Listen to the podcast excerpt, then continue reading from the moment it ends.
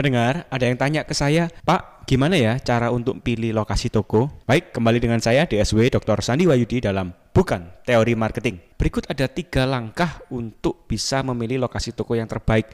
Karena sebagus apa pun produk yang kita jual, kalau lokasinya salah, maka susah untuk menjualnya. Jangan sampai salah ya pilih lokasi. Tips yang pertama adalah kita harus lakukan survei lokasi. Ya, pastikan kita mau buka toko di lokasi yang cukup padat penduduknya. Kalau memang segmennya adalah menengah atau menengah ke bawah, jangan sampai kita memilih tempat yang kepadatan penduduknya kurang.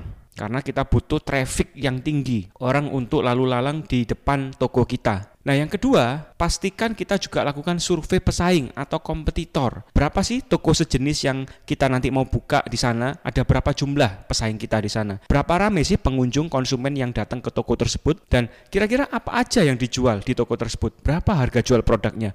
Apakah cukup tinggi? Sedemikian margin keuntungan yang kita mau peroleh nanti cukup besar untuk membayar biaya sewa, gaji karyawan, dan lain-lain. Tips yang ketiga adalah hitung simulasi biaya operasional yang akan terjadi nanti. Berapa biaya harga sewa dari toko itu? Kemudian berapa jumlah karyawan dan berapa gajinya? Hitung juga biaya operasional lain seperti listrik, air, telepon. Kira-kira tarif di sana seberapa mahal? Dan juga promosi. Kira-kira kita mau pasang pelang nama, sebar brosur, pasang banner dan lain-lain. Di sana tarifnya berapa? Karena setiap lokasi, setiap wilayah tarif dari pajak reklame Pemkot berbeda-beda. Nah, itu saja tips dari saya. Ikuti terus dan follow Instagram pribadi saya @dsw Sandiwayudi.